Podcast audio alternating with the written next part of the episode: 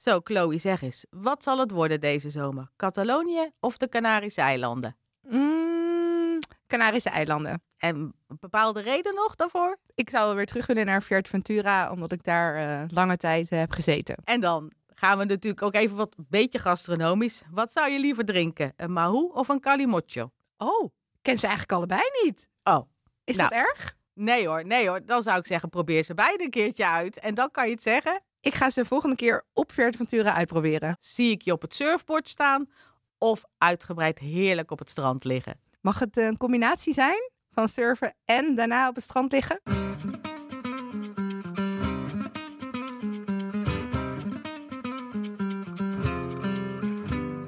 Dit is Bamos, de Spanje-podcast. Mijn naam is Marlies Dukersnooi. En in elke aflevering nemen we een Spaanse stad of regio onder de loep om erachter te komen wat er allemaal te zien, te eten, te drinken en te beleven is.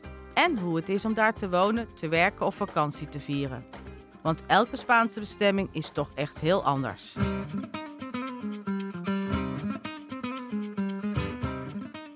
In deze eerste aflevering gaan we het niet hebben over een stad of regio, maar over een eiland. Fuerteventura. En dat ga ik doen met Chloe Sterk, reisblogger, redacteur bij Spanje en oprichter van dailynonsense.nl. Goed Chloe, leuk dat je er bent. Welkom. Dankjewel, ik vind het heel leuk om hier te zijn Ja. ook. Ik weet dat je onlangs 2,5 maand op Fuerteventura hebt gewoond. Wanneer hoorde je voor het eerst over het eiland? Ja, dat was eigenlijk eh, heel spontaan. Ik eh, reisde al eh, vijf maanden door Andalusië heen. En vanuit Sevilla wilde ik terug gaan naar Nederland. Maar in de pandemie was dat heel erg duur.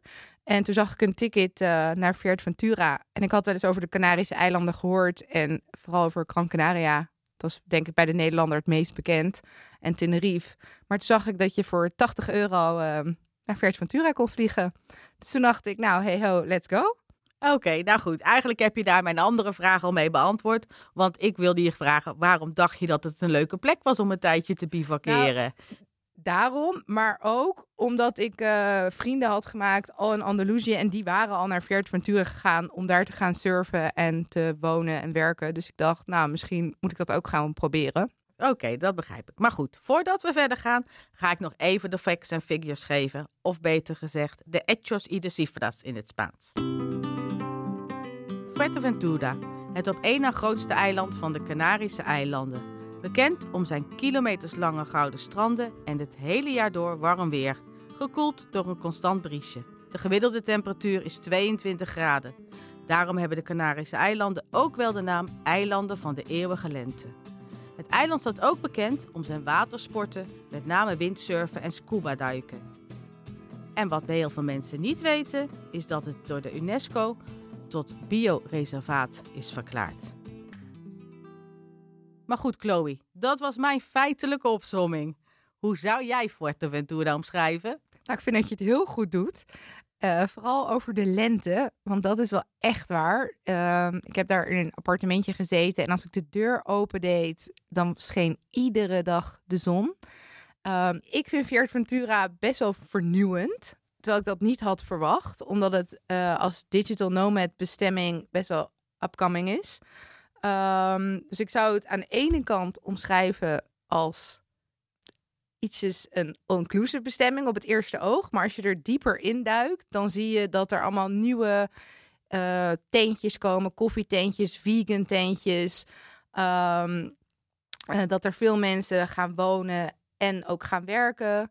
Ehm, en daarnaast heb je hele lange zandstranden. Witte zandstranden met blauwe zee. Met blauw water, sorry. blauwe zee is altijd blauw. En ehm, ja, het is echt een heel lekker eiland. En ehm, dat had ik alles behalve verwacht. Je hebt er ook 2,5 maand gewoond en gewerkt. Kijk, Ja, dat vakantie vieren is natuurlijk wat anders. En Ja. hoe was dat dan? Ehm, ik heb eerst in het midden van het eiland eh, een week gezeten. En dat was eh, voor Spanje. En daarna ben ik naar Corralejo gegaan. En Corralejo is een eh, stadje op het noorden van het eiland. En dat was een heel klein stadje waar je alles gewoon kan lopen en waar alles is. Dus ik had gewoon het idee dat, ja, dat ik daar woonde. Want ik woonde daar in een appartementje en ik had gewoon buren en Uh, ik volgde ook een taalkursus Spaans. Ik ging uh, kitesurfen. Dat deed ik allemaal lopend. Want in het begin had ik nog een huurauto. Maar op een gegeven moment dacht ik, ja, het is helemaal niet nodig. Want je kunt alles gewoon op de voet doen. Net als ik het hier in Amsterdam doe, deed ik dat daar in Corralejo. Ja, dus een beetje zoals Amsterdam. Het enige wat misschien ontbrak was de fiets, de Nederlandse fiets.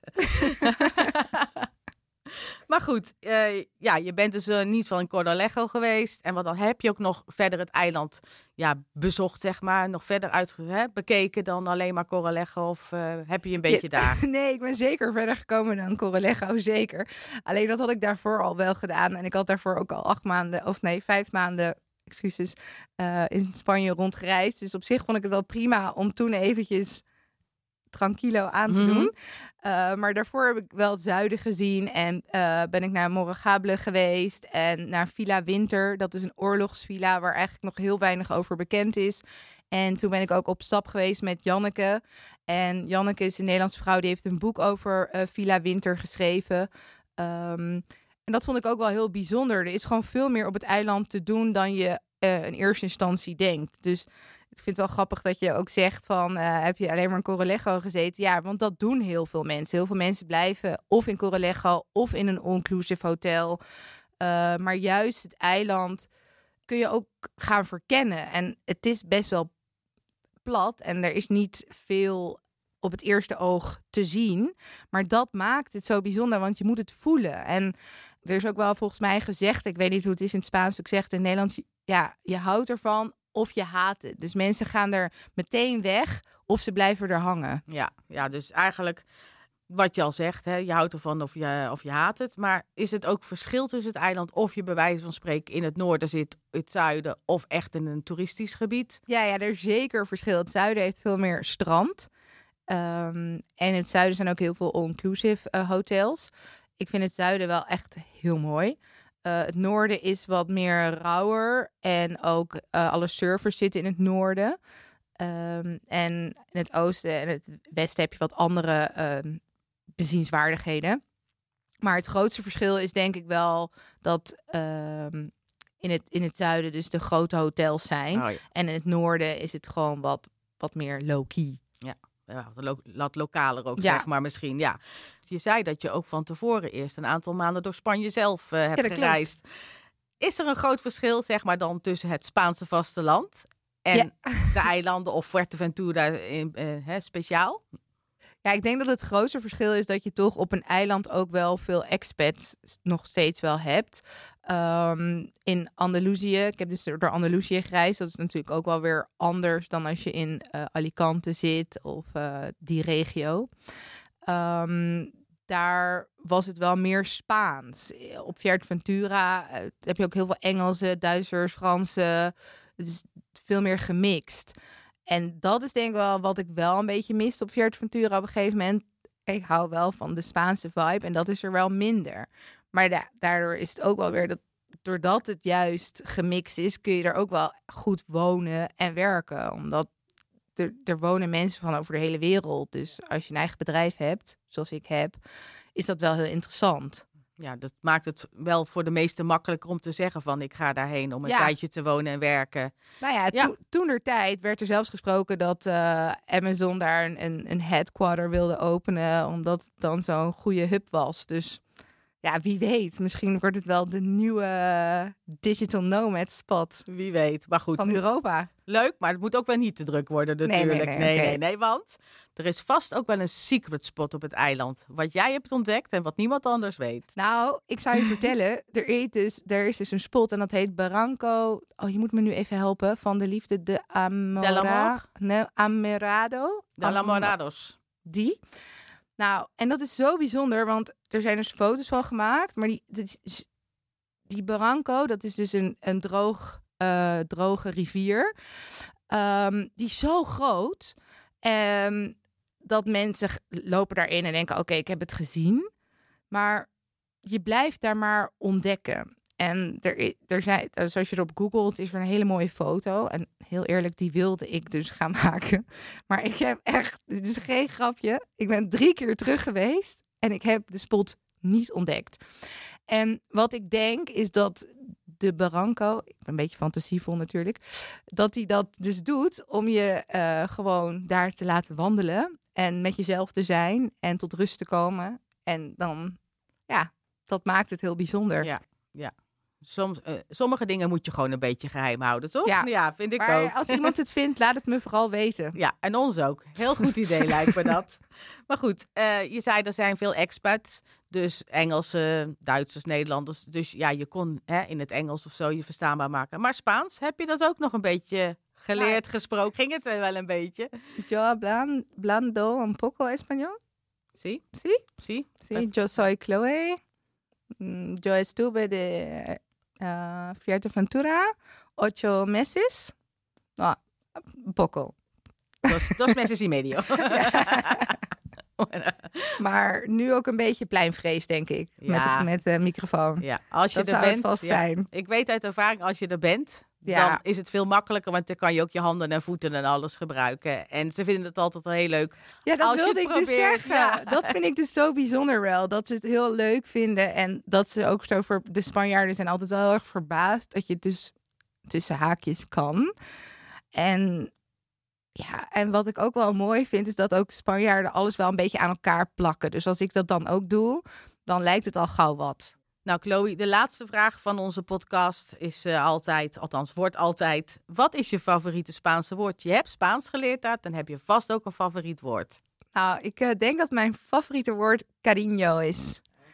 En het is wel grappig. Ik dacht in eerste instantie dat het alleen maar lieverd was voor jongen. Maar volgens mij is het ook voor een meisje, Het toch? is, ja, het is lief het schatje, eh, ja, van wil je dat voor me doen? Cardinho, hè, doe dat even voor me, schatje, zoiets. Ja, Oh, het wordt, perfect het wordt, woord voor mij. Ja, het wordt een heel veel. eh, en, en nou ja, eh, heb je ook nog een reden waarom? Toen ik in Fuerteventura was, toen werd ik op geattendeerd als ik beter Spaans wilde leren, dat ik wel Elite moest kijken. Een high school Spaanse serie over high school leerlingen in Madrid. En daar was ik helemaal hoekt op een gegeven moment door. En daar werd heel veel in gezegd.